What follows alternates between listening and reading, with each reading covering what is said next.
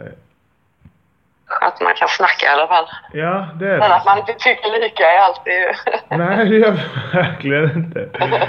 Men det är, ja, jag, det är häftigt alltså. Att vara med på eh, deras resa. Du har också barn väl?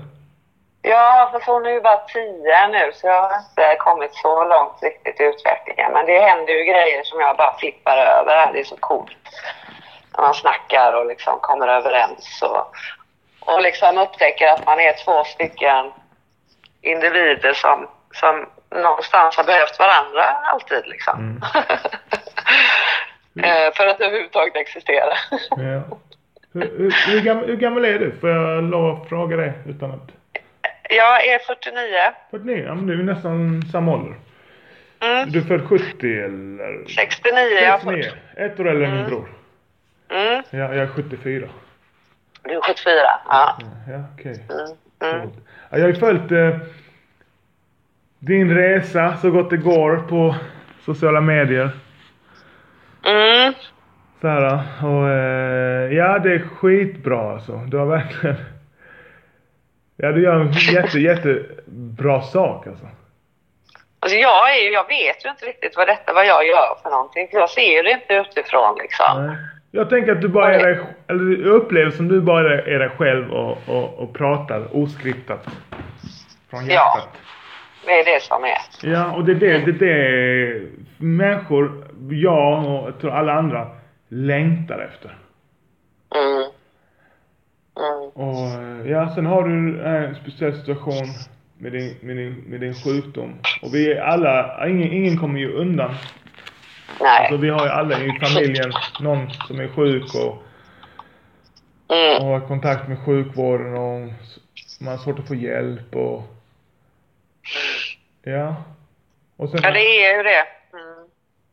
sen det här med att med cannabis, att du eh, upplever att det hjälper dig och du ville liksom och gå ut med det också. Mm. Det är ja, beundransvärt tycker jag. Det är jättebra. Det var en väldig befrielse för mig att göra det. Mm. Att gå ut, att äntligen liksom befria mig från den käglan att inte våga prata öppet om vem jag är liksom och Mm. vad jag tycker i frågan. Så det blev ju lite grann som en, som en chans för mig. Det är bedrövligt att man ska få en sån sjukdom för att kunna få prata om vem man är egentligen. Mm. Eller vad, vad man har för åsikt i, i frågor och ting och att, att faktiskt ha, få lov att ta eget ansvar över, över hur jag vill leva eller dö. Ja, Så, för det är det det handlar om. det det. De håller på och, och, och tvingar mig att tala om för mig hur jag både jag skulle ha levat och nu också hur jag ska dö. Och det är fan inte okej för mig. Där går min gräns. Va? Mm. För jag har fan med jobbat och alltid tyckt att jag är, jag är född av 40-talister och, och uppvuxen av socialdemokratiska samhället och arbetarpartiet som morfar var med och stod med fanan högst fram och längst fram. Där man alltid fick veta att om du sköter dig och arbetar och är en god arbetare så kommer du att bli belönad. Då blir du hjälp när du behöver det. Ja. Och det har jag alltid gjort. Jag har inte jobbat dubbelt. Jag har jobbat som tre personer. Du kan fråga vilken arbetsgivare du vill. Ja. Så, som jag har haft. Jag har alltid liksom varit en jävla pålitlig person som man vet att jag kommer alltid. Det spelar ingen roll liksom. Och behöver jag stanna och jobba dubbla pass så gör jag det. Ja. Och så har det alltid varit. Och vad händer när jag blir sjuk? Det är väl fan ingen som hjälper eller belönar. Morfar allihopa ljög ju. De blev grundlurade att starta igång någonting som inte existerar. Ja. Ja.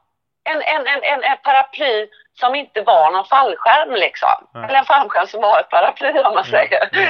Ja. Ingen kunde hänga i det. Mer än de som hade makten. Mm. Igen då va? ja. Ja. Men när fick du din diagnos? 2012. 2012. Och när... När, alltså när du upplever att cannabis hjälper dig ju. Mm. Och när sökt, du har väl sökt eh, att du ska få det som läkemedel? Sedan 2012 har jag Sedan- pratat om cannabis. Ja, Ja. sedan 2012. Wow, det är ändå länge alltså. ja. Men vårdcentralen nej och sen så fixade jag ju till slut så jag fick av Risto där mot mina smärtor smärtor. Och då gick jag tillbaks till vårdcentralen och ställde den här flaskan på bordet och sa kolla här, kan inte du hjälpa mig vidare? Nej, sa han, det kan vi inte göra. Vi kan inte göra någonting härifrån. Du fick Tyvärr. en Risto, sa du det? Ristocyterna hjälpte mig. ja. Va, vad är det för något? Det är en läkare som, eh, Ah, okej, okej. som verkade här i Landvetter på Hälsans hus. Ja. Eh, och, och faktiskt var mänskligen, enda mänsklig läkare som har förstått detta med eh, cannabis och eh, dess påverkan av olika diagnoser. Framförallt hans dotter hade svår ME, väldigt svår smärta, smärta, Mm. smärta i, när hon var liten och, och så här. Så att han började hjälpa patienter med att få cannabis utskrivet, så Sativex då Ja. och även söka några licensansökningar. Men han har ju blivit nu då, nu blivit anmäld. Först blev han utjagad ur Sverige Ja, okej. eh, och sen så, så eh, nu så gör de en fet anmälan mot honom. Men den kommer vi gå emot allihopa här som Ja. har blivit hjälpta av Risto. Och sätta igång ett jävla liv kring detta för att Ja.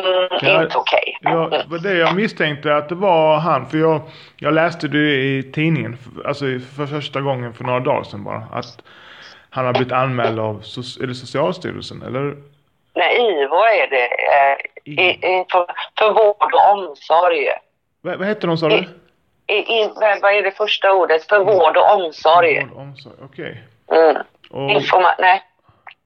Institution. In, in, ja, fan är det har de första på ordet? eget bevåg anmält honom, eller har någon anmält honom till den här myndigheten? Jag tror att någon det är både och faktiskt. För de tar fram honom ur alla perspektiv nu. Att det är både patienter och eh, läkare och att det kommer anmälningar från olika håll och kanter. Därför man påstår att han inte har haft tillräckliga underlag och dessutom inte gjort tillräcklig uppföljning av sina patienter. Ja. Eh, ja. Så Och vad vill de att, man, att han ska skriva ut då? Till exempel jag, jag hörde David berätta, du har ju fått massa, alltså, far, låter väldigt farliga i mina öron, alltså läkemedel utskrivna. ja, massor. Kan du Massor. nä- Jag har nämna inte- nämn några? Eh, fentanyl, Ja, det är som Prince Eh. dog av till exempel. ja, Oxycontin, Ja. Oxycondon, Palexia, Metadon. Metadon, wow. ville man skriva ut till mig för det var väldigt bra mot smärta, sa han. Jag har ju Diclofenac och allihopa de här. Jag fick till och med Stesolid, Imovane. Eh, jag skulle kunna fått precis vad jag ville men jag sa stopp där va. Ja. Eh, och har inte plockat ut något utav de här läkemedlen sedan 2017 tror jag det var någonting. va. Och, och det är för just smärta, eller? Ja, det skulle vara mot smärtlindring då. Det skulle vara mot min smärta så att jag skulle kunna få vara lite smärtfri innan jag dör då. Mm. När jag ligger där och, och är helt opioidad och, och bara väntar på att dö. Mm. Men det tar ju inte på smärta jag spyr då. Jag tål ju inte opioid. vilket jag tala om från dag ett då att jag spyr och jag väger 49 kilo så det är inte så Mm. bra då va. Ja, Jag behöver ju behålla min mat. nej, jag förstår. Så inte nog med att inte tar min smärta, jag spyr dessutom av det. Det är, det är liksom ingen, verk, ingen verksam eh, eh, medicin för mig. Så, Men det tar man inte någon som helst hänsyn till heller då, utan de menar på att de har många fler alternativ i bakfickan som jag kan få prova. Och jag menar på att jag vill inte prova mer nu, Mm. räcker det. Jag har provat färdigt och hittat min medicin och sitter då och viftar med den här framför oss. Nu förra veckan så var jag uppe på Sahlgrenska och visade farbror doktorn hur en cannabisburk ser ut då från läkarna ja. och frågade honom om han hade sett till detta tidigare. Och då sa han att ja, nej, det, ja, jo men det hade han väl, ja men det menar jag väl ändå att du måste ha sett på en enda läkarkonferens nu du har varit iväg på. Det kallas ju cannabis. Bedrocan, Bediol framställer de här medicinerna då va. ja. Och även så har vi Stenocare och de här så att Jo, men så, så slängde han sig på datorn och tittade då vad står det under Sativex för den flaskan fick jag med mig också och visade honom. Ja, nej, det står att det bara det, det finns bara indikationer till ME och MS. Och du frågade, då menar du, sa jag, så började jag läsa upp mina läkares namn. Att Tina Ingrid Horstedt, Risto Sutinen, eh, Nils Widendal Olsen och Margareta Eidet har fel när de skriver ut cannabis till mig. Mm. Då blev han lite tyst då va. Och menar på att, ja, nej men det finns inte, ja tack så mycket så jag för det här samtalet. Det var jättetrevligt, Mm. pratas vid då va. Så jag har spelat in allting för jag hade med mig journalist upp till det. Ja. Eh, så att jag har ett samtal hur ett möte kan se ut med läkare i Sverige och på Sahlgrenska eller hur ett möte kan se ut med en dansk läkare som föreskriver cannabis, Tina Horstedt. Så det blir väldigt intressant att jag kommer att ta fram de här två som ett, eh, får folk få öppet själva bara välja vilken tycker de låter trevligast då va. Hon som erbjuder mig cannabis eller han som erbjuder mig heroin. Ja. Vi får se. Jag kommer inte lägga någon värdering i detta utan jag kommer lämna det som en öppen fråga Ja. till allmänheten. Ja. Och jag håller på att snygga till de inspelningarna så att de ska låta så bra som möjligt. Ja. Så alla kommer att höra tydligt och klart vad de säger och vad jag säger då som patient. Ja. Hmm. Ja. Vad, vad, vad tror du, alltså deras främsta motivation att neka dig cannabis och istället skriva ut eh, heroin? För jag bara till de som, eh, de som lyssnar, kommer lyssna på det här samtalet, det är att he- heroin och eh, till exempel eh, Oxycontin eller eh, vad, vad var det mer för opiater Ox? Oxycontin, oxy, fentanyl, oxycontin, oxycondon, metadon, palexia. Wow. Va- va- varför tror du att de vill att skriva ut det istället? Va- va- vad tror du deras främsta motivation Därför bakom det? Därför att läkaren som är ansvarig smärtläkare i det här fallet är total motståndare till all alternativ medicinbehandling. Han tycker att all, eh, antroposofisk medicin är humbug. Han tycker att eh, cannabis är humbug. Och vi lurar människor som blir sjuka med att tro att om man slutar äta socker så, så kan att socker inte skulle vara bra för, för cancer då va. Mm. Han på, menar på att både heroin och socker är väldigt bra för cancer då. Eh, och, och han tänker inte vika sig en tum i den frågan därför att han kommer från det här gamla stigmat. Bejerots lakejer är han ifrån då va? så han arbetar fortfarande utifrån de här indikationerna som de fick ifrån Bejerot när det gäller tvångsbehandling av människor med opioider. Där man sätter in dem på metadonprogram där det också ska vara, de ska ha full kontroll på detta. Där man då får lämna pisseprov innan man ska få detta. Vad vi gör det är att vi gör människor beroende av medicin som kostar pengar. Alltså jag blir pling i kassan för dem om jag tar deras heroin. Om jag vill ha cannabis däremot så säger det inte någonting i deras kassa. Så jag blir ingen kassako för dem. Alltså nu har vi ett problem då. Jag vill inte ha deras behandlingar som kostar flera miljarder kronor. Jag vill ha cannabis som kostar mig 5 000 kronor i månaden. Wow. Alltså. Vad är då? Vad, vad är det som kommer sig att de säger nej? Den frågan ställer jag mig också ska du veta. Mm. Och jag kan faktiskt inte riktigt svara på den men för mig så är den främsta eh, orsaken det är ett enormt stigma, okunskap och att detta genererar inte pengar för sjukvården. Mm. Ja. Enkelt. Ja. Ja. är, äh, när, när hör Men jävligt cyniskt och Ja, fruktansvärt hemskt. fruktansvärt Men hemskt. så är det. Varsågod, där är sanningen. Ja, fruktansvärt hemskt alltså. Mm. Det är farliga Och- droger. Jag Och vi har- dör. Vi dör under tiden. Mina vänner, folk runt omkring mig dör. Mm. Ja. Mm. Inte, det är inte kanske, de dör. Mm. Mm. De vill ta livet av sig varje dag. De ringer. Jag är, de är fast i sitt heroin. De går inte utanför dörren. Benen är svullna. De noddar hela dagarna. De ville bara bli av med smärta i ryggen för tio år sedan. De sitter där nu och noddar. Vad är det för någonting? Mm, är det vård? Är det vård? Nej. Nej, ja. Nej. Det är hemskt alltså. Jag, min, min moster eh, gick bort utav morfin. Hon hade också cancer. Hon hade bukspottkörtelcancer. Och hon, hon tog så höga doser av morfin så hon somnade in utav det till slut. Nej, hon, slu- hon somnade inte in ska jag tala om för dig. Hon slutade andas. Ja, exakt. Hon slutade andas. Hennes Ja, andningssystem slutade ja. funka. Ja, så, Så- de tog livet av henne. Mm, ja, och inte bara... Förmodligen fick hon benzo tillsammans med opioider, alltså sömntabletter. Säkert. du är död. Mm. Hon var inte sig Ja. själv heller. Du skulle kunnat anmäla dem för mord faktiskt. Ja, Alltså, hon var inte sig själv. nej inte Vem var alls. Och hon? vi fick inte ha henne som hon är. Alltså hon, hon, hon var ett skal av sig själv. Hon är en stark, en av mina främsta förebilder. Ja, vad Eh, synd sjukt alltså. jättetuff kvinna. Alltså Ah. på alla sätt. Eh, Mm, alltså ja, det, jag blir rörd när jag tänker på det. Eh, mm.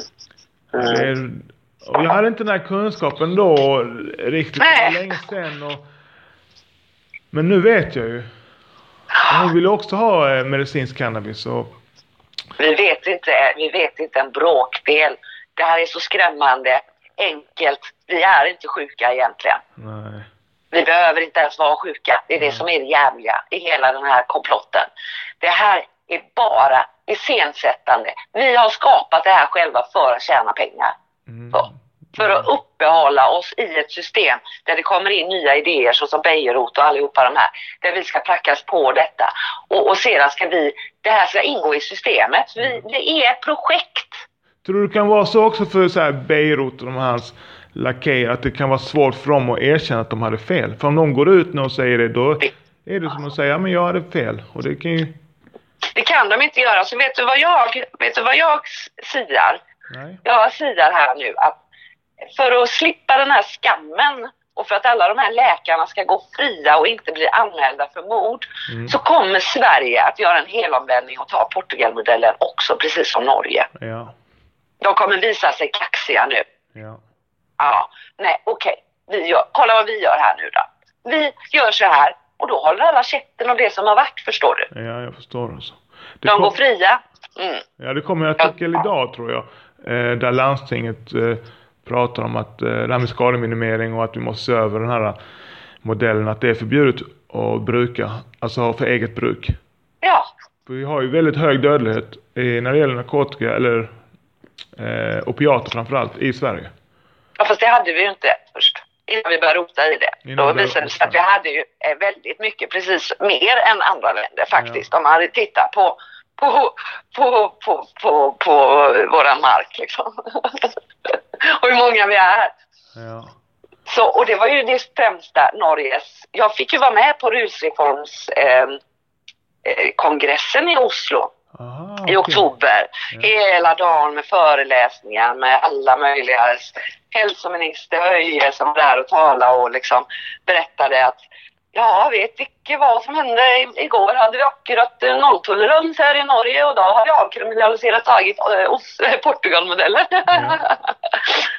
och då presenterar de det med socialminister och allihopa hälsominister och allihopa har tillsammans börjat eh, titta på hur ska vi ta in den här modellen i Norge och inte straffa utan vårda istället. Då, Ja. va? Ja.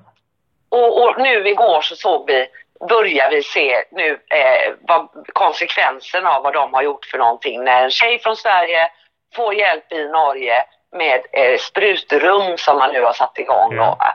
Ja, vilket ju är, ja, och hon menar på det att man hela tiden, vi, nu kommer vi. Jag är så himla rädd för att vi är inne och gräver i den tyngsta biten i Sveriges historia, heroinet nämligen då. Ja. Och nu håller vi på och gräver upp detta. Det, de energierna som kommer, de är inte att leka med. Jag blir helt till mig här vissa dagar Ja. när det svämmar över av heroinsamtal och allt möjligt. Mm. Eh, för det är deep, deep fucking shit där människor har blivit av med söner 26 år, 21 år överdoser, pa, pa, pa, pa. Och nu håller vi på att plocka fram den här problematiken som har framstått med alla dessa metadonprogram, Subutex-program, hur vi har behandlat människor med pisseprov. Du får inte ha cannabis i kroppen, du får inte ha cannabis i kroppen, du får inte ha cannabis i kroppen, du får inte ha cannabis i kroppen. Folk dör Mm. när de inte får cannabis i kroppen. Mm. Vi är cannabis för helvete. Mm. Vi ska ha cannabis i kroppen för att överhuvudtaget ha en chans. Mm. Ja, så nu måste vi vända på den pannkakan jävligt snabbt och göra som han visar i pannkakan. Tjopp så vänder vi bara på den då va. Ja. för att allt annat är idioti. Jag ser på min kropp, jag ser vad som händer. Igår satt jag och läste om en tjej som har ungefär samma sak som mig. Hon kanske haft lite mer lugn och inte samtidigt kört en revolution då va. Och kunnat göra sin behandling ordentligt. Hon har ingen cancer i sin kropp längre. Vet du vad de säger till henne? Nej. Du hade aldrig cancer förmodligen. Ja. Vad var det för eh, metod hon körde? Cannabis, MSM, eh, juicing som helst. Juicing, ja. eh, bikarbonat, eh, försöka basa sin kropp, Ja. alla de här goda grejerna. Eh, böngroda, bä, bä, bä, bä, bä, bä, aprikoskärnor. Yeah. Ja. De säger till henne, det där är helt fel, det är inte, det är inte därför. Mm. Men varför är det då? Du hade säkert inte ens cancer. Wow. Och så vill de inte veta mer om det. Nej. Så jag har så himla mycket här nu grejer på gång och, och David som har kopplat ihop oss, Ja. han är en rackare på att sätta igång grejer, kan jag säga. Ja, coolt. Han är driven den unga killen, 21 år gammal. Ja. Och det här är viktigt. Mm, För nu har jag en helt ny, en helt ny, det är inte mina 40, 50, 60-åringar längre som ringer damer. Nej. Utan nu har jag en generation och det är de här som gör graffiti, 21-åringarna, 20-åringarna som har sett sina brorsor dö med Mm. överdoser och heroin som bara vill röka sig en splitt. Mm. För det mår de bra av. Mm. De har inte ADHD, de har inte det, de har inte... Nej, för får de bara röka sig en splitt så mår de bra. Mm. Men de får amfetamin istället av läkarna. Mm, och vad händer då? Då slänger vi bensin på elden. Så jag är inne i alla, all, alla... Alltså det är inte bara cancer det här handlar om. Verkligen inte då. Va? Nej. Nej. Ja, jag Nej. förstår. Jag har själv en bror som haft tungt missbruk som har, har blivit återupplivad från en överdos av, av Mm. eh, då heroin. Så Okej. det, det är en fråga som ligger mig sjukt varmt om hjärtat och massa vänner. Alla hans vänner är döda idag. Ja. Och de är, alltså, och de var ju, alltså det är hemskt och sjukt att inte människor bara kan ändra på sig.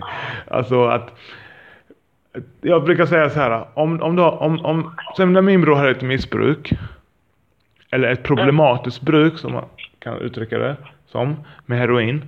Vem är det som ska dyka upp? Nu är det poliser som dyker upp med dragna vapen.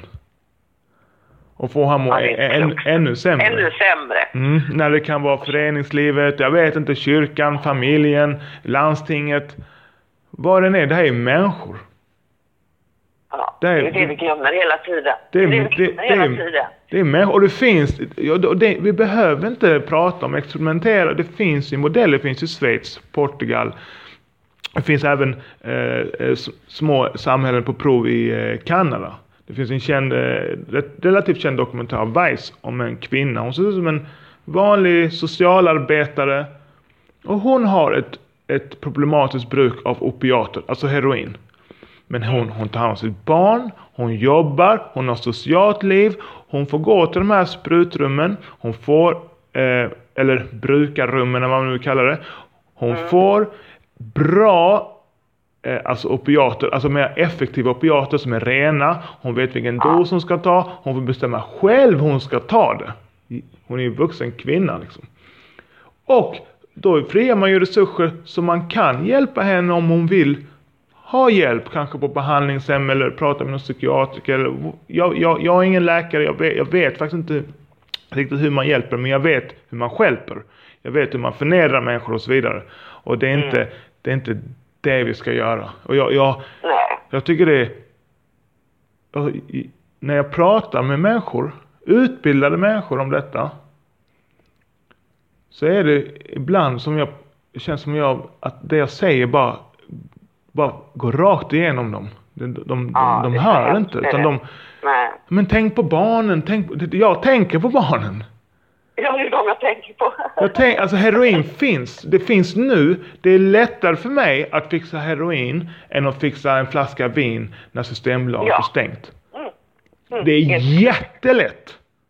Och de kommer att lämna det till mig. Jag kan till och med få det lämnat och säga Åh, jag har inga pengar, kan du betala imorgon? Kan jag betala imorgon? Jajamensan. Det är, Jajamensan, det är så lättillgängligt. Ja. Och så det är ju för att det är olagligt, det är inte reglerat. Det är helt fritt nu. Det är helt fritt. Och jag bor i Malmö och det svämmar över. Alltså det, det är, och det är inte bara heroin, det är alla de här tramadol och benzo.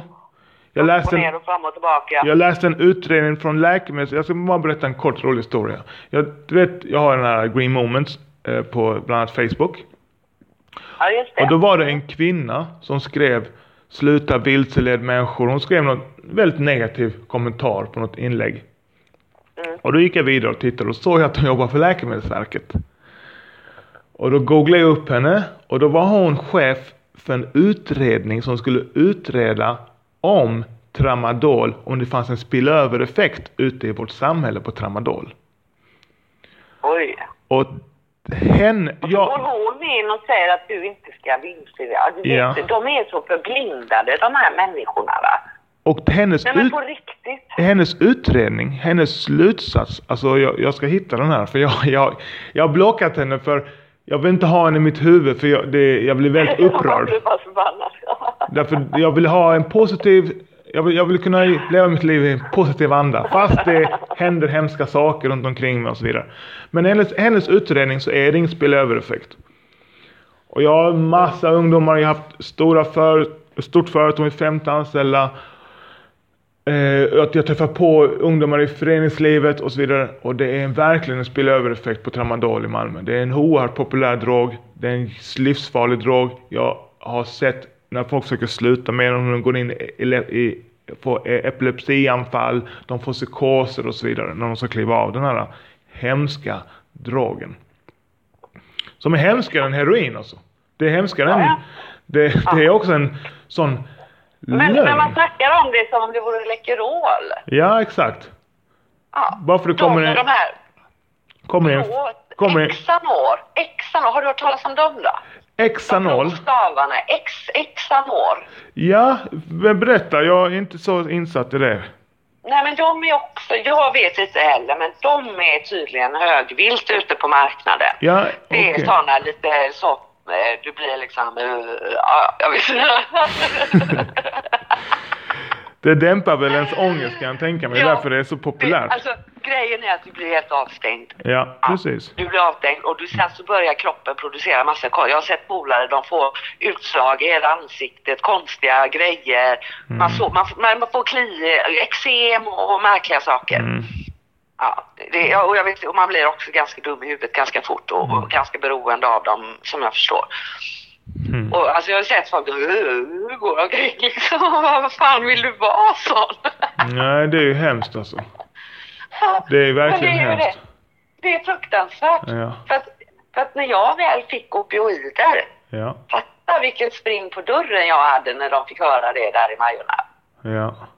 Du, och, och börja komma. Och den ena efter den andra. Och jag bara liksom, vänta, vänta lite här nu. Jag delar det. Och kan inte jag, du har så jävla ont och bara en eller... Och du vet så. Man bara först tyckte synd om dem liksom. Ja. Sen bara, nej, nej, nej, vad fan. Mm. Så jag sa till den här killen med en gång, kom inte hit igen. Nej. Här finns ingenting kvar. Nej. Inte en enda opioid, bara så du vet det. Nej. Eh, och det kommer inte finnas i framtiden. Och fråga mig inte om jag kan skriva ut det, för det kan jag inte. Nej, Oh, hemskt jag vet. Men du vet, det var riktiga monster som kom fram. Nej. Det var det va? Människor som, som är helt totalt avstängda, blicken är död, eh, svullna fötter, sitter och noddar, eh, har tagit på sig tre plåster istället för ett, eh, vill bara ha mer, är bara helt, eh, du vet, systemet funkar inte, allting har slutat funka, mage, allt, du vet. Jag, jag eh, på Det ett, är som lik som sitter där. en, en sak Angela, också som jag kommer att tänka på. Du fick en orosanmälan också va? Från socialen. Mm. På Jajamensan. grund av att du brukar cannabis. ska jag faktiskt eh, läsa för dig Ja, vad som gärna. står inledningsvis i den här för att den är jävligt, jag, jag var tvungen att lägga den i Jag har inte, jag har inte fått någon än, men jag förväntar mig faktiskt att jag ska få den. Jag tycker det är konstigt att jag inte har fått någon. Mm. Ja men det kommer säkert. De är, de är all over. Mm. De är all over. Jag har hört många på, människor på småorter som, som får det. För att de har brukat cannabis eller det ryktas att föräldrarna brukar cannabis. Mm. Ehm, alltså jag har ju det som medicin va. va? Fyra läkare som sagt var som skriver ut det. Anledningen till utredning. Ursäkta. Nej, fara. Anledning till utredning är att en anmälan kommit in. Maja, nio år och sedan tidigare känd av socialtjänsten. Det var en annan grej som hände. Mm. Föräldrarna har ett icke-fungerande samarbete och under lång tid anklagat varandra för olika saker. Mm. I föreliggande orosanmälan är det pappa José som lämnat uppgifter om att Majas mamma Angela använder narkotika och har en mycket liberal hållning som påverkar Maja. José menar att Maja visat Maja och hennes kompis hur man rullar en joint och sedan kört barnen i en bil efter att ha rökt cannabis. Mm. Angela ska även ha velat komma till Majas klass för att prata om hur bra det är att röka cannabis. Ja. Det är vidare oroväckande att José som upplyst om sina skyldigheter som vårdnadshavare skyddat Maja underlåter att agera på annat sätt än. Nu, ja, de hyllar ju honom för detta då va. Mm. Angela har dock framfört att hon använder cannabis i behandlingssyfte för sin cancer. Då det kan föreligga risk att Maja far illa både utifrån Angelas förhållningssätt till droger och utifrån föräldrarnas konflikter ska utredning enligt socialtjänst och inledas för att säkerställa Majas behov, att de blir tillgodosedda. Eh, precis. Hemskt alltså. Ja. Hemskt. Så då ska vi nu då träffa och samtal och, och, och, och sådana här grejer då va. Men jag ställde ju mina cannabisburkar där på, på kontoret. Eh, sist när jag var där på möte. Ja. Det var jag och två socialtjänstnämnder och min dotters pappa. Och när jag tröttnade på det här tjafset och de satt och snackade fram och tillbaka så vände jag mig om och så tog upp mina burkar och så ställde jag dem på bordet och sa vad står det på de här? Så det står Angela Maria del Carmen. Ja, står det också eh, vid neurologiska smärtor i cancer. Eh, cannabis. Mm. Okej, så här. Det här är vad jag får utav min läkare. Och om ni vill prata mer om det här så får ni ringa till mina läkare och prata med dem. Mm. Och förresten, säger jag, du som har gjort den här orosanmälan. Du har ju alltid rökt rekreationellt. Det här är jättemärkligt, säger jag. Och du vet, får de bara hoppa till liksom. Och han har ju dessutom pussat positivt där innan så att, Mm. eh, Men han förstod väl inte riktigt ordet då så att, ja. Eh, Och det här är så löjligt och jag kommer inte, det här kommer inte, det här är inte slut. Men för mig så är detta en chans för oss att få in samtalet cannabis på socialkontoret för det ska lyftas. Jag Mm. ska inte bli anmäld som förälder, som mamma, när jag får detta av min läkare. Det ska vara ett stopp på detta nu. Mm. Så därför är jag där jag är. Jag har inte smygit, jag har inte på något sätt, jag har bara väntat på dem. Ja. Mm. Ja. Så att jag har, de tackar mig när jag har kommit dit. För jag har gjort jävligt klart för dem att här kan inte jag hålla på och springa. Nej. Utan nu gör vi på mitt vis. Och är det någonting vi ska förbereda Maja på så är det hennes mammas död. Ja. Wow, Då blir de alltså. helt tysta. Ja, Mm. wow alltså. Det är helt sjukt alltså. Ja, jag, jag, alltså jag beklagar och jag önskar jag kunde... Fast jag ska inte dö. Nej. Nej, jag, Ja. jag ska inte dö. inte ännu, jag har massa grejer att göra. Nej, det är klart.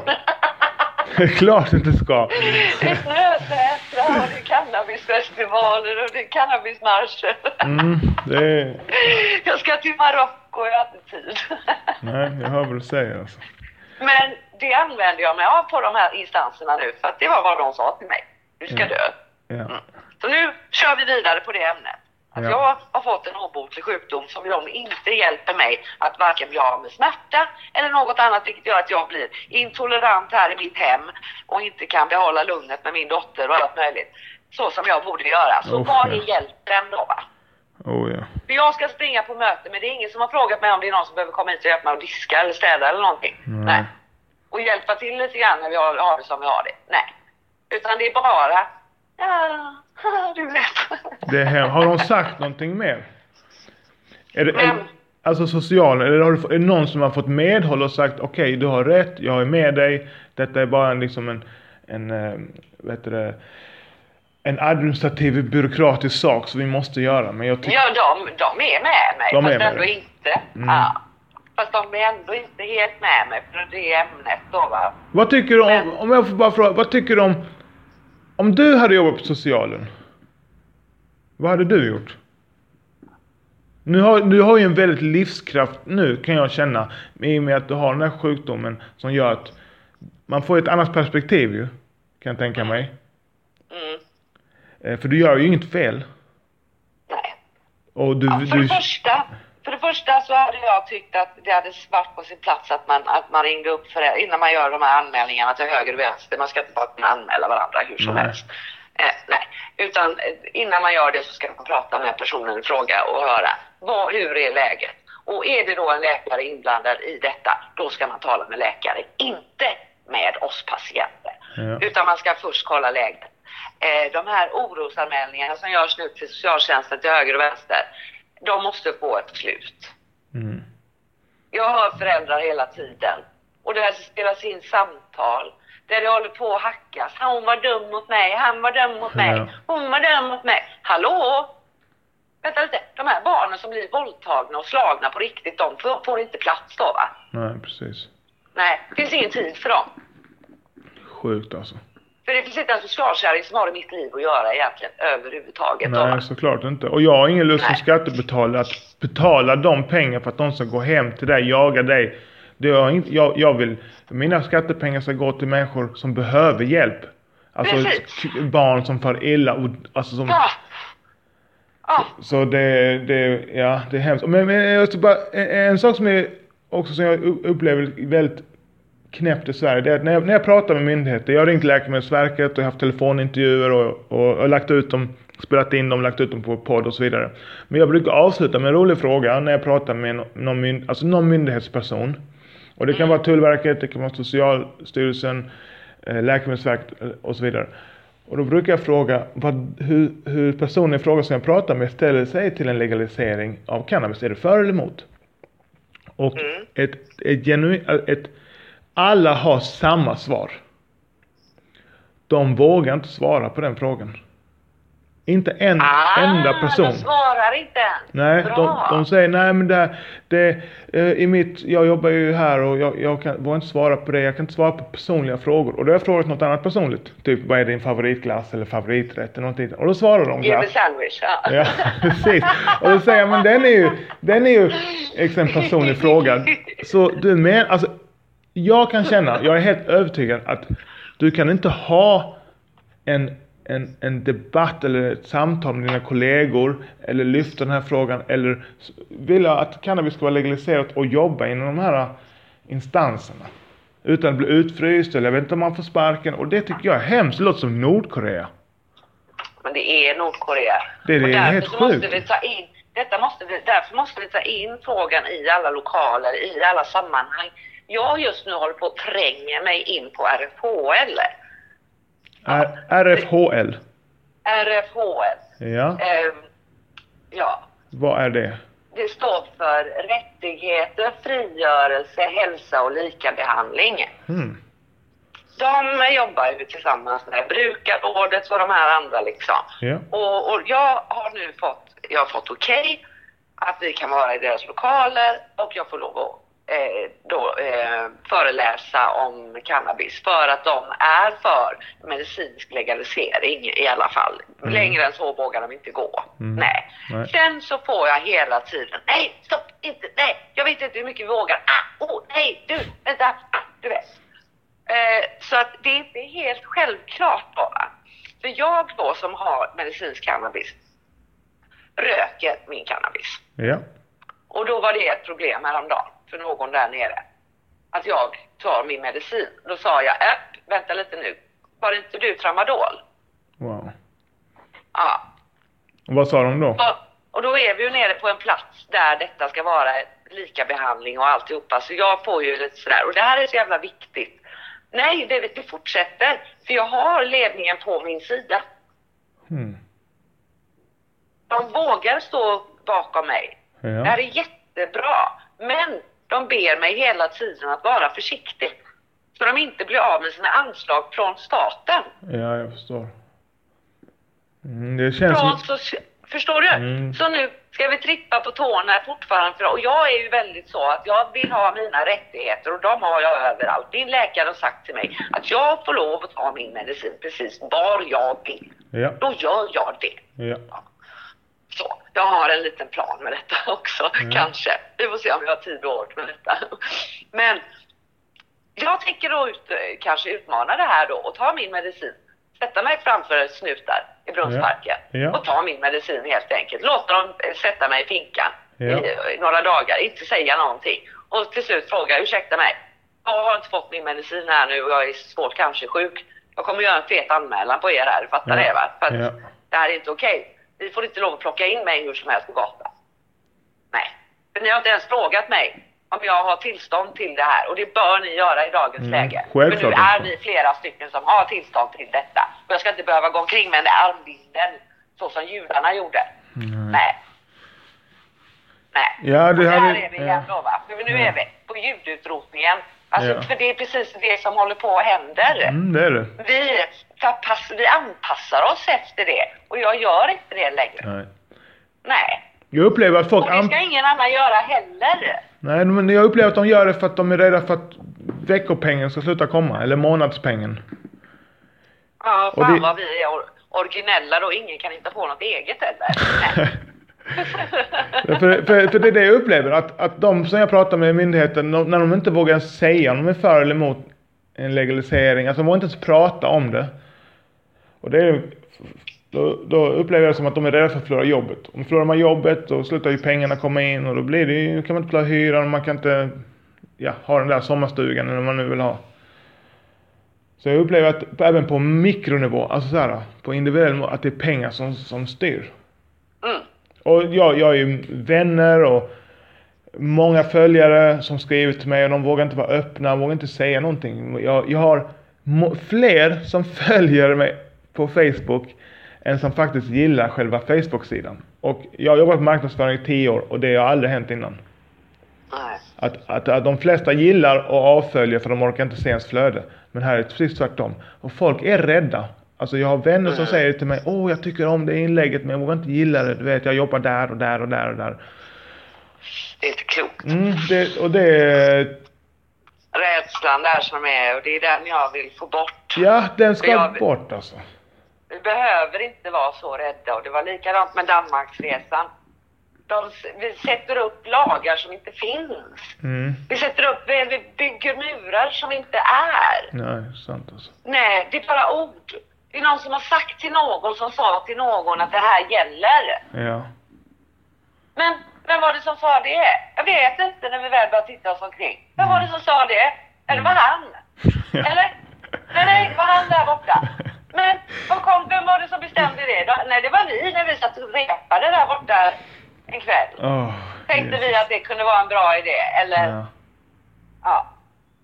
För det var det som visade sig när jag väl började liksom ansöka. Och, och nu, i och med att vi åkte och, och, och faktiskt visade på att gränsen var inte stängd, den var helt öppen.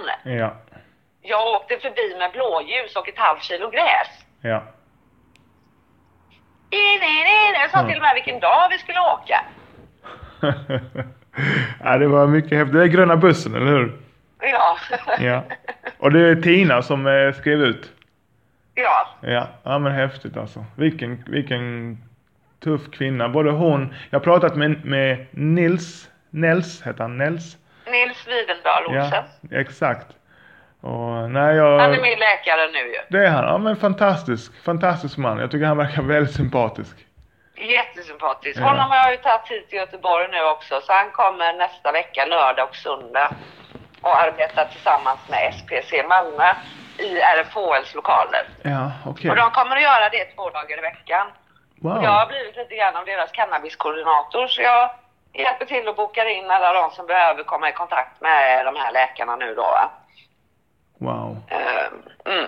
Det här med högkostnadsskyddet, jag pratade lite med Nel, Nils, Nils, Nils, Mm, Nils, Nils om det. Mm. Och han sa att det kommer komma, borde komma. Har du, vet du nå- någonting om det? Ja. Det är, alltså på gång, så på riktigt då. va? vad är det som stoppar det? Jag, jag, jag trodde inte det fanns läkemedel som inte ingick i högkostnad. Jag trodde inte det, jag, jag, jag, jag har sjukt svårt att förstå. Alltså, Det är licenserna som spökar. Att denna medicin måste sökas på licens. Det är det som spökar. är det, vem är det som söker den licensen? Det gör Nils för mig. Jaha, okej. Och, Men för nu har vi provat, alltså jag har provat Sativex så jag har ju fått Mediol och Bedocan utskrivet i Danmark då va. ja. Men jag vill ju att min läkare i Sverige ska skriva ut detta. Vilket Självklart. Nils nu gör då.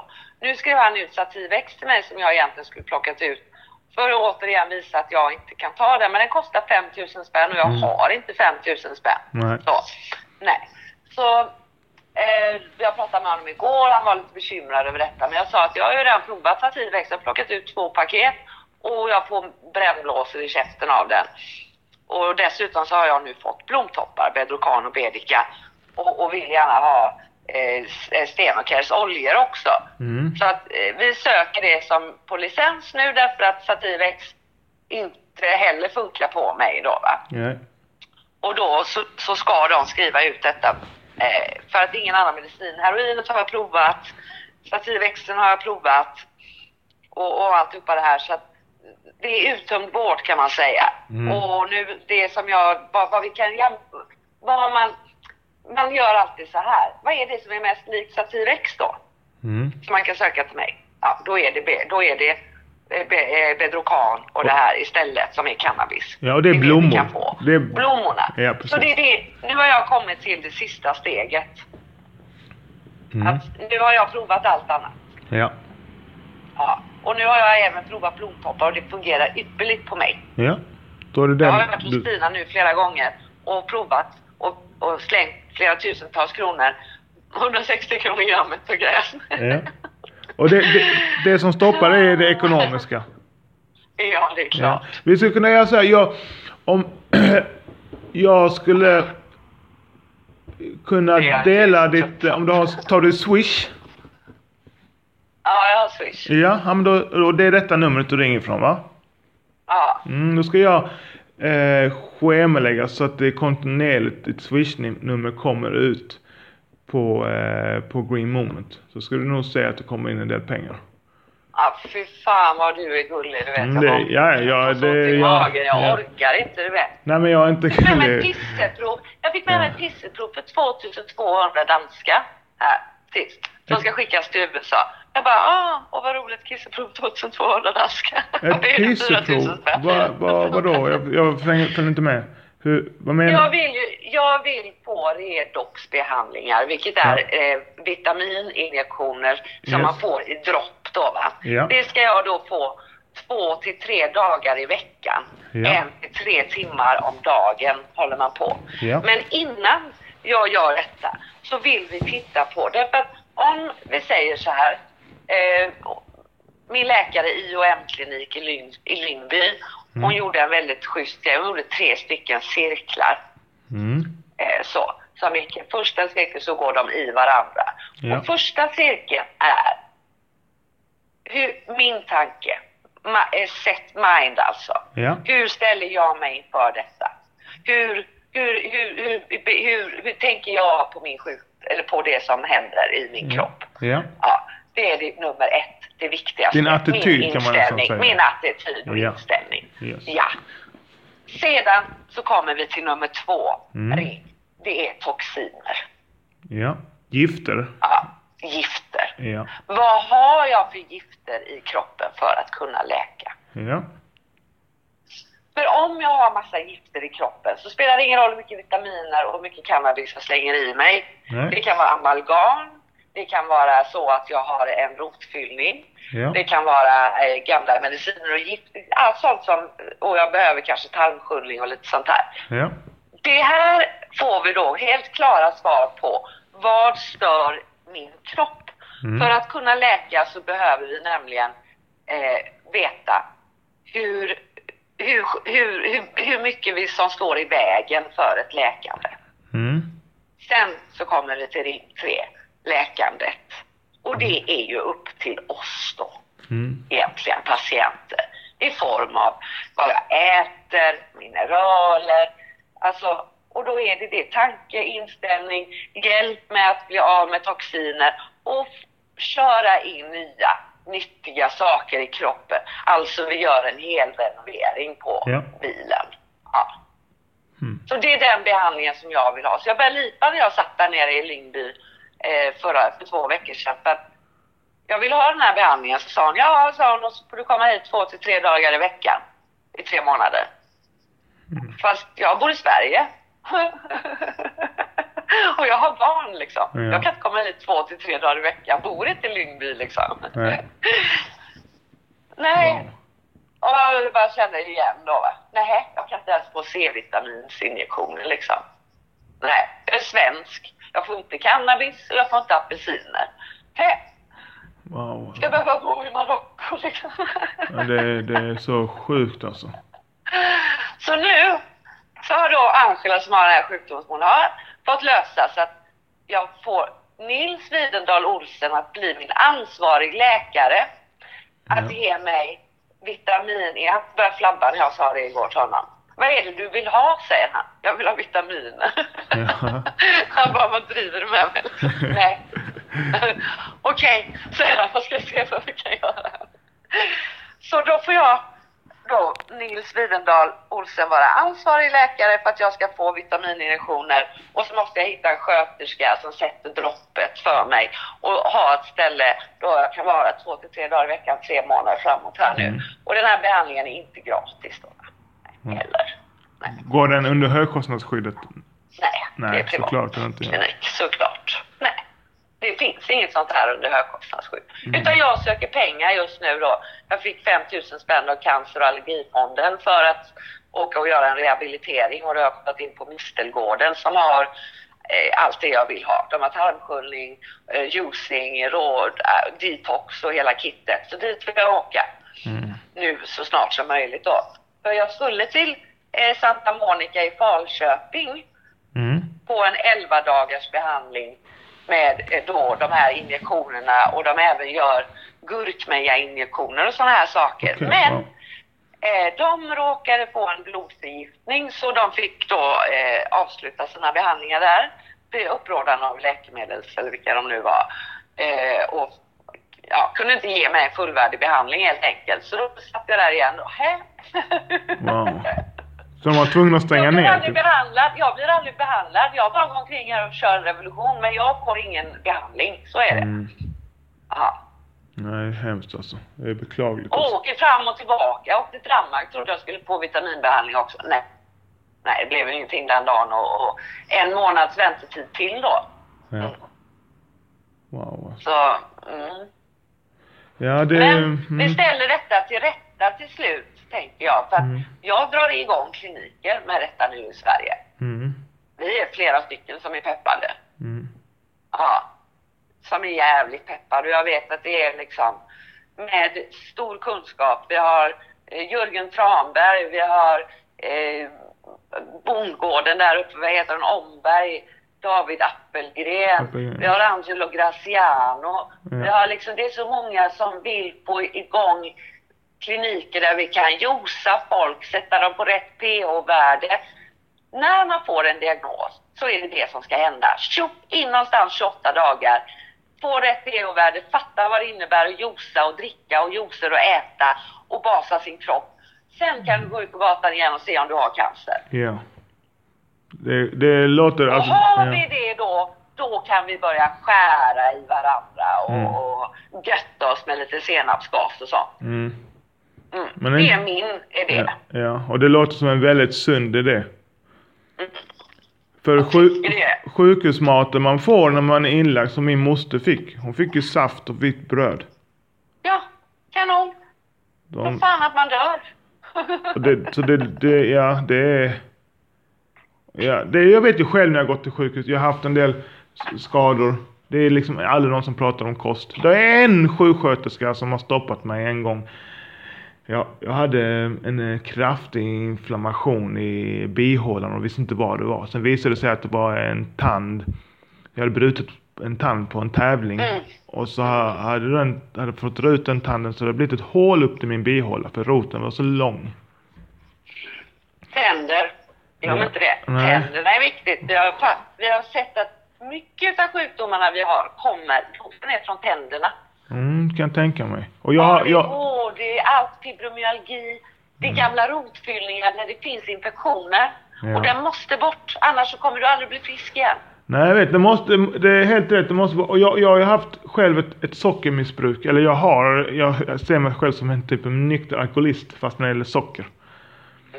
Mm. Och när jag har, nu är jag inne i en fas där jag inte äter, inte äter det och det går jättebra. Eh, och jag känner ju en enorm skillnad. Och jag känner, inte bara känner. När jag går till tandläkaren så har jag aldrig någon problem. Alltså jag har inga hål och det ser jättebra ut. Men när jag är inne i en godisfas så får jag problem. Varje gång. En gång. Ja, varje gång. Varje gång. Så, eh, och det är, det är liksom, när vi var små. Det var ingen som sa att det var farligt. Alltså när jag gick och boxades och tränade i många, många år. Vi fick ju läsk efter träningen. Vi drack inte vatten. kan- Vi fick läsk. Nej, precis. Läsk, ja. Vi fick läsk. Den kostade en krona eller något sånt. Så, drack man det. Och det var ingen som tyckte det var konstigt. Jag har ju varit hemma hos vänner när jag kommer ihåg när jag var liten. Där föräldrarna satt och tjatade på sina barn. Drick nu upp, ät upp och drick upp. Och så sitter de och dricker läsk. Mm. Och eh, godis är ju liksom, det är marknadsförs ju åt barn. Det är där vid kassorna och det är glada färger och ja, det tycker jag är helt sjukt att, att det kan vara lagligt. Att, att det inte finns någon restriktion för hur du får marknadsföra de här sockerhaltiga giftiga produkterna alltså. För det är gift. Nej, men alltså, jag har en tioårig dotter och igår så senast så pratade jag med henne om det för hon har varit magsjuk här i tre dagar. Ja. Och jag tror att hon är, är, äter alldeles för mycket socker och, och mjöl. Ja, det är så ju. Alltså, Och då snackade vi om detta. Och, och, och, och hon fattade det med en gång. mm. Alltså nu äter vi brunt bröd här. Vi i det liksom. Och hon känner med en gång att hon mår bättre. Sen så sa jag också till henne. Du måste förstå Maja. Att bara för att du är barn så är inte du odödlig. Nej, Nej. Nu har du en mamma som har blivit sjuk. Och det vi blir sjuka av det är socker. Ja. Så jag mår fysiskt dåligt varje gång du stoppar in något socker, även om inte jag äter det. Men Ja, du sitter och äter det framför mig, så mår jag fysiskt dåligt. För jag känner mig precis som att jag håller på att ta död på mitt barn. ja, jag förstår precis vad du känner. Och det känns inte bra. Nej, kan det- du förstå det liksom? Jag tänker att jag får gå den vägen istället, Mm. för att det går inte att, att hyckla med någonting längre. Nej. Och som du vet Maja, jag har sett, så finns det barn som får cancer också. Mm. Så du är inte liksom något eh, undantag. Och fortsätter det så här när de käkar så här mycket socker och grejer, då kan vi, då kan, ja, det är så. Vi blir sjuk. Mm. Ja. Det är hemskt att du inte får någon slags hjälp från samhället tycker jag. Att, för jag, man har ju sitt eget ansvar men jag, inte, jag har inte uppfostrat mig själv och jag har inte skapat, jag kom in i det här samhället. Och det var ju sock, alltså socker var så lättillgängligt. Alltså det är överallt ju. På skolan, i kafeterian när man var liten. Alltså alla mina pengar när jag var liten gick till socker, gick till godis. ja. Det var mitt knark. ja, Jag var, när jag var 13 år, vi gjorde inbrott i kiosker och tog godis. Snodde hela tiden. Snodde godis alltså. Och, Mm. du vet, det och jag har hål eller när de lagade men jag liksom min, min, jag har haft jättemycket problem med mina tänder. Och jag borstar dem så mycket så bra och jag har tandtråd men det spelar ingen roll. Jag Nej. förgiftar ju min, min, min, alltså min mun kult, alltså kultur, bakteriekulturen i min mun har ju varit hemsk hela mitt liv det känns det som. Och med infektioner och så vidare och nej jag, jag, jag blir besviken så här. Jag ska inte bli besviken, jag ska hålla en bra attityd. Och jag ska göra så gott jag kan och försöka förändra det som det lilla jag kan Ja. göra så här. Idé att gnälla och grina för mycket. Nej, liksom. Det är bara att ta fram sanningen och, och, och, och göra någonting med den. Ja, det är sant. Ja, vara konstruktiv i det liksom. Mm. För att jag hör att folk bara sitter och gnäller. Mm. Och det ger jag fan inte mycket för alltså. Nej, det händer inte det. Nej, det händer Nej. ingenting. Det händer ingenting. Jag håller på att samla ihop och samla ihop här i, i Göteborg men det är jävligt trögt. Jag sitter där nere själv ibland liksom. Mm. Men enträgen som jag är, jag sitter där tills det kommer folk liksom. Tills de vågar visa sig, kom ut ur garderoben nu då Ja. för fan. Så vi kan börja snacka och börja Ja. samarbeta. Jag Ja. behöver hjälp med att samla ihop all information och skicka information åt rätt håll så att vi växuppropet. Jag har så mycket grejer som bara ligger jag kan ingenting med datorn. Min dator är full nu. Det bara pling, pling, pling hela tiden. Folk skickar meddelanden och, och grejer som Wow. de vill att jag ska läsa då va. Ja. Och jag som egentligen jag hatar att sitta framför datorn har ett heltidsjobb. Pling, pling, pling säger Ja. hela tiden. Du vet. Ja. Och, så, och så kommer det nya grejer. Det Ja. händer nya saker. Ja. Okej, då lägger jag Sativex åt sidan för ytterligare några månader kanske. Ja. Den kommer väl till användning så småningom, eller vadå? Ja. ja, men du vet. Det är min, Ja, ja men det... min Jag, bit riktigt. Men jag har fått David som en liten lärjunge här åt mig. Ja. Eh, Den här eh, fina killen som ja. plockar fram fotografer och mickar och, och det som behövs och, gör poddar och nej men du vet. Mm. Det jag behöver hjälp med nu för att jag, det går inte. Men jag tänker inte lägga mig i sängen. Nej. Nej, jag är inte, jag håller på, jag, jag lever, jag har alltid arbetat hela Ja. mitt liv så va. Men Ja. jag tänker inte heller gå tillbaka till något arbete och jobba på ett boende där jag söndermedicinerar människor. Eh, där jag gråter när jag går hem på kvällarna för att jag inte kan hjälpa dem. Jag har sagt nej till det redan en gång. Ja. Men jag kan skaffa mig en ny tjänst inom autism och Aspergers spektrat. Och det är att föra in CBD i deras vård. Wow, ja. Mm. Så jag tänker att jag ska använda mig av min eh, anställning som finns liggandes där jag är habiliteringspersonal autism och Asperger spektrat. Ja. Och eh, även använda mig av då SPC Centrum Smärta och Psykiatricentrum för att få en anställning för att ställa saker och ting till rätta. Ja. Då, och börja smyga sig inifrån att på alla dessa avdelningar med specialinriktade ämnen faktiskt upplysa personalen om hampa, CBD, cannabis Mm. och hela vad det innebär och vad det skulle innebära för deras patienter att smörja sig med cannabiskräm eh, på nätterna för att sova gott och lite Wow. sådana här saker. Ja.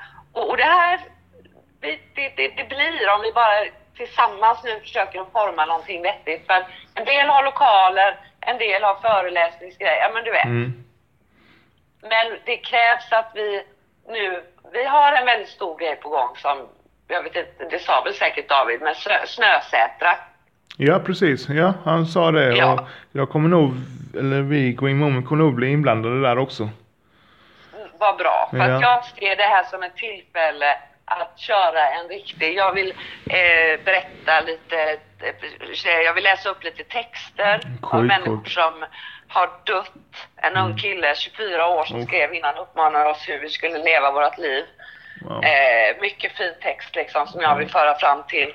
Den ska föras vidare. Mm. Jag vill ha in en konstnär som har gjort stora foton och haft Världskulturmuseet här i Göteborg. Hon har gjort foton tre gånger tre meter på psykedeliska plantor, Mm. peyote, eh, Ayahuasca kanske. San Pedro och allihopa. Så de vill jag få upp liksom med en stor scen. Jag vill ha dit eh, Chris Mansson, Sebastian, där vi kör eh, hans video som han gjorde till mig. Ja. Ja, lite grann det vi gjorde nu på, på Gröna bussen eh, dokumentär. Ja, Den får väl också vara med på något hörn där tror jag. Så vi kör lite grann som det vi gjorde i lördags. Wow, vad aktiv du Med är. massa nya grejer då va. För nu ska det pratas här. Och han som har hela det här som har startat igång eventet, hans fru dog i cancer av behandlingarna så han är Ja. helt på. Men likadant där. Vi måste göra det snyggt och prydligt. Mm. Mm, för att inte slå i clinch. Och jag tänker nu då sätta massa hampafrön Ja. som vi ska dela ut när de har vuxit upp en liten bit här. Ja. Som vi ska ha med oss och dela ut till folk som Ja. kommer dit. En och en planta liksom. Fantastiskt. Varsågod, ta hand om. Ja. Det är underbart att, det, att, du gör, att du tänker på ungdomarna, för det är, det är framtiden. I framtiden. Jag försöker själv tänka på det, att jag pratar till fram, framtiden. För, det, för, för många i vår ålder och uppåt känner jag att det kommer, inte- de kommer inte ändra sig. De kommer bara köra sitt, sitt, sitt race och de har, de har svårt att... De är, gift, de är gifta med sina idéer. De har svårt att ändra Ja. på sig. De vill inte, de orkar inte lyssna på något nytt. Inte De har, satt, de har liksom satt fast sig i det där att nej. Så, så det, jag tycker det, alltså, ja när du berättar allt du gör och jag ser vad du gör och jag hör vad du gör. Det är beundransvärt alltså. Det, det ger mig kraft. Och inspiration.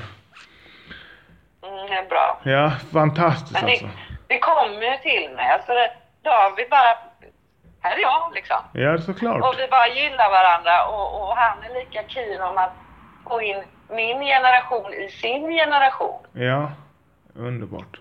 Och att, att få förklarat vad det, är, vad det är de vill ha för någonting. För de har inte haft oss med sig. Nej.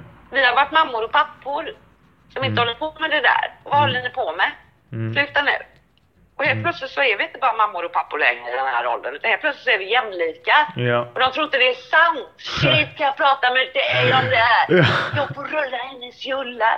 Jag, han är min personal roller. Alltså, Ja, när han gick så hade han lämnat fem färdigrullar. Jag bara, du är min ängel. Ja. Liksom. Underbart. Han sa, vi ska ju skicka ett litet, vi ska plocka ihop ett litet paket till dig Så du får, du får inte glömma smsa mig din adress. Okej. Sen har jag, vet jag också att du har fått något paket stoppat som skickas till dig. Ja, Ja, och det är jävligt synd. 25 gram var det. 25 gram. Eh, Mm. och man skulle nästan... Jag ska se om jag kan Jag ska göra något med David så ska vi se om vi kan, vad vi kan skicka till han. Men vi kan, vi kan skicka grejer direkt till dig som inom lagens ramar. Och så Mm. kan man skicka till någon annan som har Ja. i kontakt med dig. För vi vill gärna skicka, skicka eh, ett paket. Han sa kanske du har kanske vill prova på en bong eller något liknande. Ja, det låter ju nice. Ja, ja, men vi sätter Jag får ihop. det inte att funka här. Nej, vi sätter ihop ett litet rollpaket. Sen har vi ett extrakt. Det är, lite, det är bara kort, det är lite det här med att eh, hampa, det här med noll, vanlig hampa som folk odlar och gör CBD-olja på. Det här som har 0,2% THC, eller maxgränsen ligger där. Mm. I, lag är det ju inte reglerat vad oljan ska vara, som du gör på plantmaterialet. Alltså på det godk- E- EU-godkända plantmaterialet. Så det är inte reglerat i lag, utan i prejudikat, alltså i rättsfall, så står det, pratar de just om själva plantmaterialet. Att det får inte vara än 0,2. Men så i teorin så kan när du, eller inte teorin, när du gör extraktet på plantmaterialet och får det här mörka svarta som Rick Simpson-olja, Rick Simpson-extrakt. Då har det en betydligt högre halt av THC, cirka 1%. Och det kan även vara lite högre. Så vi har det också.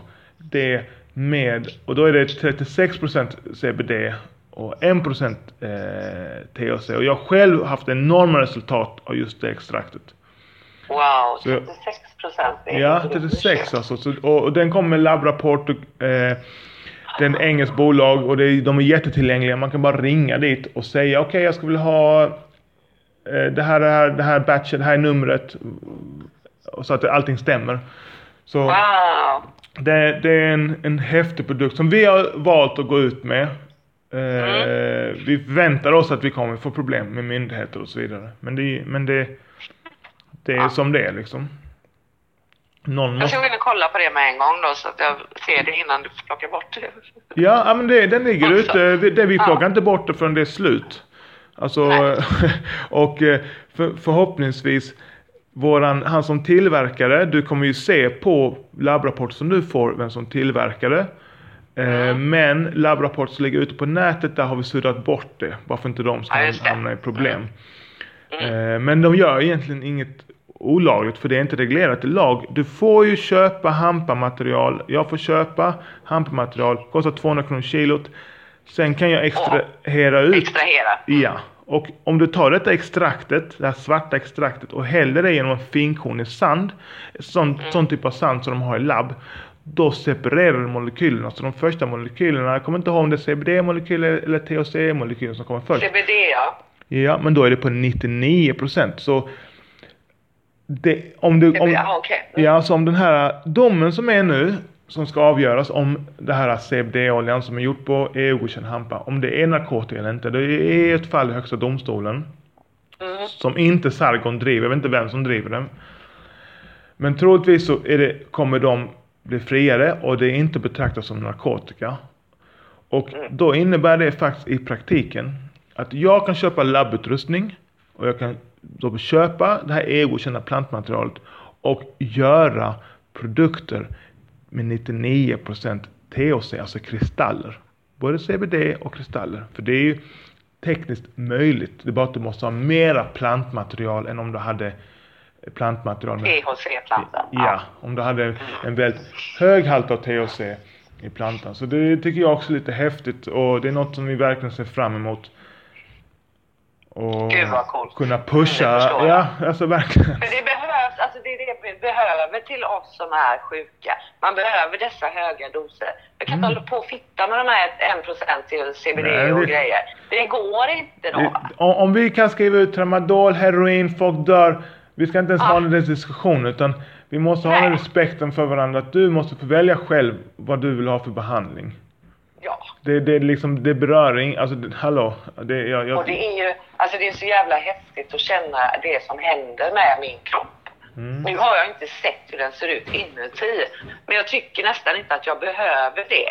Nej. För att säga att jag kommer få flera år av drägligt liv här framöver. Jag Ja. vet det. Underbart. För det här är på väg att jag har övertaget Ja. genom vad jag stoppar i mig här nu Ja. i form av bikarbonat och MSM och, och korin och allt vad det är för någonting. Ja. Och jag känner att, att vi håller på att separeras från varandra. Mm. Det håller, bli, det håller på att bli jag och dem va. Mm. Det är inte vi längre. Nej. Nej. Och det är en väldigt skön känsla. Mm. Och min smärta, jag kunde fan inte gå. Jag hade, jag hade hemtjänst. Wow. Ja, för ja, nu är det väl kanske ett år sedan då. Ja. Och det har Ja, du inte idag ja. eller? Nej, Wow, jag är uppe och går hela dagarna. Jag går inte ens och lägger mig och sover siesta. Fan vad coolt Nej. alltså. Fan vad, alltså, Alltså, det du ser ju, jag är i full fart. Det Ja. Mm. är liksom tjoba bribba hit och dit. Och så försöker jag lägga mig och vila ibland. Men så är det något nytt jag kommer på och så måste jag upp igen. liksom. Ja, jag förstår. Känner du till en metod som heter Wim Hof-metoden? Ja då, andningen, den är Ja. så bra. Ja, och, Ja. men coolt Vad alltså. bra att du påminner mig att jag behöver göra det mer. För det Ja. är det som saknas hos mig. För att jag har haft så ont i revbenen så att jag har inte kunnat andas ordentligt. Ja, jag förstår. Och sådär så att jag har... eh, Och det tittade även min väninna som är... Hon är lite så guruvakt, åker till Indien varje år och håller på med akupunktur. Ja. Och så efter vi hade käkat lunch så sa hon Det är helt otroligt, säger hon, för att du har inga tecken på det här som jag har sett de här cancersjuka personerna har i sitt ansikte. Det enda jag ser är att du andas dåligt. Wow, okej. Ja. Ja, det är- man ser, hon ser på linjer i ansiktet och så här då. Va? Mm. För det är en väldigt effektiv metod att reglera sitt pH-värde. Ja, också. Alltså en, enormt. ja. Och den, den är en Det känsla var bra att du sa det. Mm, det den ger har en känsla av tänkt på. Av kontroll. Har du sett dokumentären som är gjord av Vice om den här metoden? Jag har sett ett par stycken faktiskt par- om honom och så. Ja. För där har han en kompis som är, som har cancer tror jag. De sitter i Holland, i Amsterdam och så pratar han. Det är en man som fick en diagnos. Han fick bara några månader eller två månader och sånt där att leva. Han levde i nio år. Han till och med skriva en bok om Wim Hof-metoden. Det var bara en vanlig konservativ tjock gubbe som bara Ja, som liksom avfärdar. Nej det är trams, det är trams, det är trams. Men när han blir sjuk så blir man ju öppen. Man, ja, när man går igenom en kris. ödmjuk. Man blir Man blir ödmjuk. Man blir jävligt ödmjuk. Alltså jag själv, Mm. alltså vi alla går igenom kriser i livet och när man väl krisen kommer då blir man ju ödmjuk. Då är man öppen för saker och ting. Och då kom ju den här Wim Hof, hans, det är hans vän Wim Hof, alltså mannen. Så- Och då Mm. var jag öppen för det, då provade han detta. Och han levde nio år, han skrev en bok. Och fick en känsla av kontroll. Mm. Det Som- är det jag menar. Ja, som- Kontroll. exakt. Där inte, det de försöker säga till mig att jag har fått någonting som har kontrollen över mig. Ja, och så det är har jag hemskt. trott på de orden. Det är hemskt, de ska inte få säga så. Nej. Det skulle och vara är där vi förbjudet att börjar. säga så. Det är där vi börjar. Att de ger denna eh, sjukdomen ett sådant eh, övertag över Mm. människa genom sina, sitt ordval. Mm. Och där kan vi börja med att uppfostra sjukvården Mm, tycker jag. verkligen. Man skär inte tårtbitar ur min kropp. Nej. Ursäkta mig. Vilka jävla tårtbitar? Prinsesstårta eller vadå tårta? Fem bitar? Tolv bitar? Vilka bitar? Vad Ja. pratar du om kärringjävel? Ja, det. Jag är ingen tårta. Nej. Det är Hur hemskt. vågar de? Och så är de sådär lite nonchalanta på den där canceravdelningen. Mm. Ah, ah, du vet, så här, ah, det är en liten tårtbit där. Ska vi ta en liten biopsi här?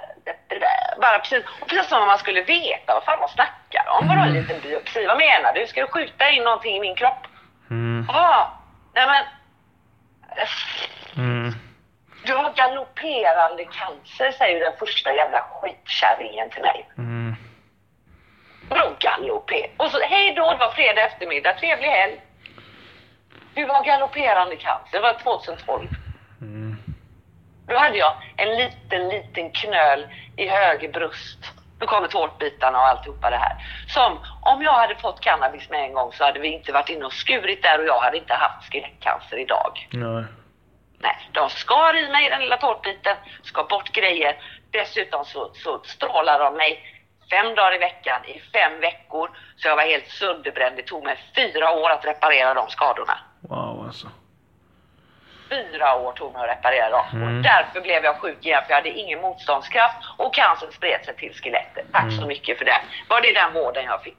Och då sa de, då friskförklarade de mig 2013, 14 Ja, det var ingen fara. Jag blev aldrig frisk. Jag blev sjuk för helvete. Jag kunde inte gå ur sängen. Mm. Nej, då hade jag ju, nej, då var det ju mitt psyke det var fel på. Jag var ju lite galen och dum i huvudet och fan hans mormor och allt vad man är för något. Och inbilla sig och nu är man bara hypokondriker och allting och va. Till slut kunde jag inte gå längre liksom. Tyckte nej men nu, nu, nu är det något, det stämmer. Det, det är inte, nu får ni skärpa liksom. Jag har ont. Nu får röntga mina, min, mitt skelett för att jag tror att jag har brutit mina revben eller någonting. För jag har så jävla ont. Jag kan inte ens ligga. Mm. Ja, då fick jag ett litet meddelande. Ja, vi har ju sett här att det finns förändringar. Jaha, mm, okej. Ja, Mycket riktigt. I bäcken och nere i liksom höftbenen, precis där jag hade ont. Mm. I revbenen som jag har haft ont i över ett år. Överallt jag har gått och klagat. Sen läste jag om det då. Va? Vart har man ont någonstans om bröstcancer har spridit sig? Jo, i revbenen och i benen. Höften kan man, man kan få sådana här smärtor att man inte riktigt förstår. Man tappar eh, kapacitet att gå och sådana här saker. Man vet inte varför. Precis allt det står. Men min läkare har aldrig kopplat ihop de två sakerna då. Va? Nej. Mm, mycket märkligt alltså. Hemskt alltså. Hemskt. Jag blir upprörd när du berättar. Alltså. Hemskt. Men eh, ja, shit alltså. Nej men nu... Jag har inte egentligen tänkt på det så himla mycket sedan 2012. Du vet, jag är ju bara rakt framåt då. Va? Men Ja.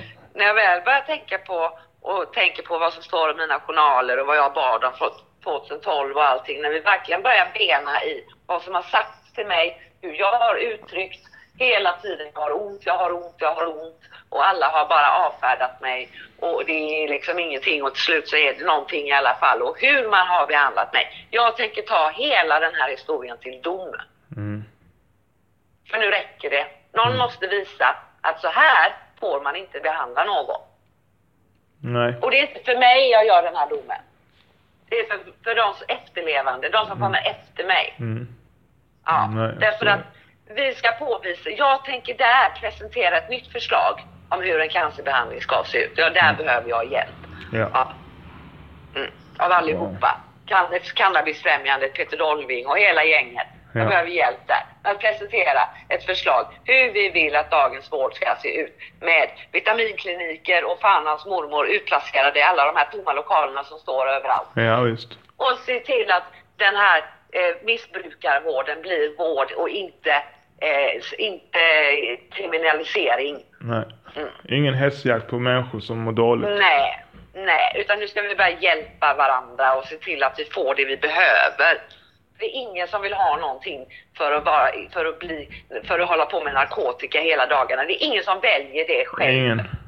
Ingen. Nej. Ingen väljer det Mm. själv, så nu får vi sluta och snacka massa skit här och försöka ge människor det de behöver istället så att vi hittar en balans här i Ja. vårt samhälle. Så vi håller på och skjuter ihjäl varandra för att vi är påtända av heroin allihopa. Ja. Jag brukar f- försöka förklara för människor ibland så här, till exempel alkohol är ju lagligt. Och jag bor så nära Danmark så jag kan åka över. Jag, jag, jag skulle kunna köpa mig en hel ranson, ranson alkohol för ett helt år framåt. Och vara full varje dag. Ja. Men jag vill inte Ingen- göra det. För, för jag har mening i mitt liv.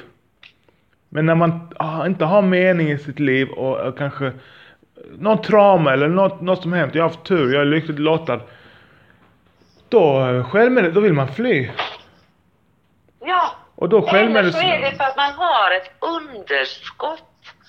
Vi Ja, har ett det kan också. Lyssna här. Vi har ett underskott av cannabinoider, de flesta utav oss. Alltså Absolut. CBD-olja. Och om vi hade fått det från tidig ålder i våran kost, Ja. i våran näring, så som det var på en gång i tiden när det växte hampar runt omkring Ja. oss, så lovar jag dig att vi har både ADHD som försvinner och massa andra åkommor och leder och eksem Ja. och fan hans mormor, ont i huvudet. Det kommer ingen att ha sen. Och de flesta kommer att bli så balanserade i kroppen så det vet både du och jag. Man vill inte röka så mycket tobak längre, man Nej. vill inte dricka så mycket alkohol Nej. längre. Man är inte sugen på de här kemiska sakerna Nej. utan man vill ha det naturliga. Ja, man vill ha det naturliga, må bra, känna sig frisk alltså. Ja, Det är så enkelt. Alltså. naturligt så är det så. Så Ja. vi behöver inte ens tvinga oss på det utan bara se till att alla får i sig Ja. CBD i framtiden här nu. Mm. På alla sätt och vis. I smoothies, i bakverk, i allting. Vi bara tvingar ut det här. Och det ska inte kosta... Planterar, odlar. Det kostar ingenting. Nej. Det är gratis. det Precis, växer ska vara... Exakt. Det ska Ja. vara eh, gratis. Alltså det är så... Det är så den här plantan är ju... Den är gratis, magisk. billigaste som finns. Mm, det billiga som finns. Och den kan, den kan, jag kan odla den på min balkong. Jag skulle kunna odla, odla en hel årsförbrukning på min lilla balkong. Ja, Så... Jag eh, håller på här nu och förbereder mig. Jag har 10 meter balkong och jag ska ha min hampa här som jag kan ha min Josi den här Ja. sommaren. Punkt ja, slut Punkt slut ja. Såklart. Ja. Ja, och det- även ha så att jag kan lägga undan Ja. för vintern. Underbart. Så att det räcker nu då. Mm. Ja, shit. Ja men ehm, Angela, vi ska Ja. avsluta här. Alltså du, det... Jag har sagt det igen, jag, jag har sagt det flera gånger, jag säger det igen. Du är en stor inspiration. Du gör rätt. Du har rätt. Ja men alltså, de har fel. Det är så enkelt. Du har rätt, de har fel. Let's go. Nu kör vi. Och ja, det gör vi. jag ska göra allt jag kan för att backa dig. Du tar, du tar stafettpinnen, men jag och många andra som du vet är bakom dig. Jag vet, jag känner det nu. Och det är väldigt tacksamt. Och vi gör det här tillsammans. Så. 100 Och det är så schysst att lära känna dig och flera andra här på vägen som är fantastiska människor verkar det som. Ja, underbart. ja, faktiskt. Tack detsamma. Alltså. Glöm nu inte att skicka din, eller jag kommer påminna dig men jag, jag vill gärna ta ett sms så fort du kan. Med din adress. Ja, that's it. Adress. Ja. Fullständigt namn och adress. Adress. Mm. Så förväntar du ett paket och så ska jag skicka till vår gemensamma vän ett annat paket som också är till dig så att du vet om... Ja, just det. Ja, så... Eh, Ja, ja nej, vad nice. det blir Kul. fantastiskt. Och är, är det någonting... Som sagt, jag ska också lägga ut ditt, ditt, ditt nummer så folk kan swisha. Vi kommer givetvis också swisha såklart. Och är det någonting, någon hjälp så tveka inte. Alltså vi vill hjälpa. Så om det är någonting, jag vet inte vad det ska kunna vara. Skjutsa, köra, hämta, lämna. Ja, jag vet inte. Så tveka inte, bara fråga. Vi, är- vi, är, en, vi är en grupp av människor som är bakom. Jag är inte själv på Green Moment. Ja, vad nice. Så, eh, Tack. Ja. Guld att ni gör det arbete ni håller på med. ja tack Det är alltså. beundransvärt att ni vågar kämpa emot den här stigmat i det här landet. Och göra det som är vettigt för oss allihopa. Ja, Och visa vägen liksom. Ja. Hur det ska vara. Mm. underbart. Mm. Okej snälla. vän. Tack snälla och ha en underbar dag. Detsamma. Ha det gott. Hej, hej. Hej. Så där ja. En timme och 23 minuter, helt fantastiskt. Vilken kvinna. Tänker på mina vänner som inte vågar. För de är rädda för att förlora jobbet. Och som lite som Angela sa, ni har skapat era egna konstiga lagar. Folk frågar mig, hur kan du vara öppen? Vadå öppen? Du är inte Nordkorea. Klart jag får säga att jag är för en legalisering. Såklart. Klart jag får, eh, heter det, röka min vape eller en joint öppet. Alltså polisen kan inte komma och de, de, får, de får ingen husrannsakan på grund av det. De vet inte vad som är i den här jointen. Det kanske är tobak. Det kanske är okänd hampa. Det kanske är bara papper. Så lyssna nu, snälla. Gör inte, om, om inte för dig, gör det för dina barn, gör det för Angela, gör det för folk som är sjuka. Kom ut med att du är för en legalisering. Rösta inte på ett parti som inte är för en legalisering. För det här är inkörsporten till att vi får ett mer humant samhälle. Det är inte en engångsfråga. Det, det är inkörsporten till att vi får ett mer humant samhälle. För när cannabis blir legaliserat öppet så kommer vi se, åh det hände, det hände ingenting, det blev bättre. Vad är det mer för saker som vi har som är helt orationella i vårt samhälle? Till exempel demonisering av andra substanser som heroin och kokain och så vidare. Jag är inte för dem, jag tror, tror inte att de är bra, jag tror att jag vet att de har en plats i samhället och vår sjukvård. När jag gick och opererade näsan, då fick jag kokain i näsan som bedövning i, eh, så att de skulle kunna spola mina bihålor. När jag, eh, ska säga, när min moster opererade sina höfter så fick hon heroin, alltså hon fick opiater. Och det är klart, hon ska inte ligga där och opereras och ha ont. Det är helt oh, absurt. Sen tog hon starka opiater som alla andra gör när de har blivit opererade höftledsoperation som de gör på löpande band idag. Du får gå på starka opiater minst två veckor. Du blir inte narkoman av det. Den här biokemiska teorin att, att heroin och sånt, tar du en gång så är du hooked och du börjar prostera, Det är inte sant. Sluta ljug. Come on man. Vi vet varför folk missbrukar. Det är någonting. Det är visst, det är visst, visst kan förklaras med gener, men det är kanske är en procent. Resten är det sociala, dina erfarenheter, din, dina trauman helt enkelt. Har du väldigt tunga trauman så det är klart det kan vara enkelt eller svårt för vissa att, att leva och de behöver självmedicineras. Och sen tror jag också på det som Angela sa att eh, vi är uttömda. Vårt endokannabinoida system är helt uttömt. uttömt.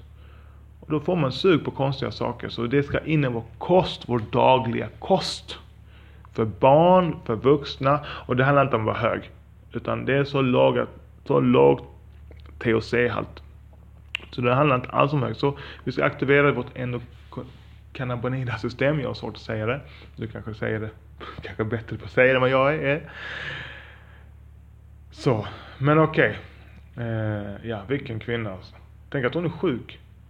Tänk att hon är sjuk.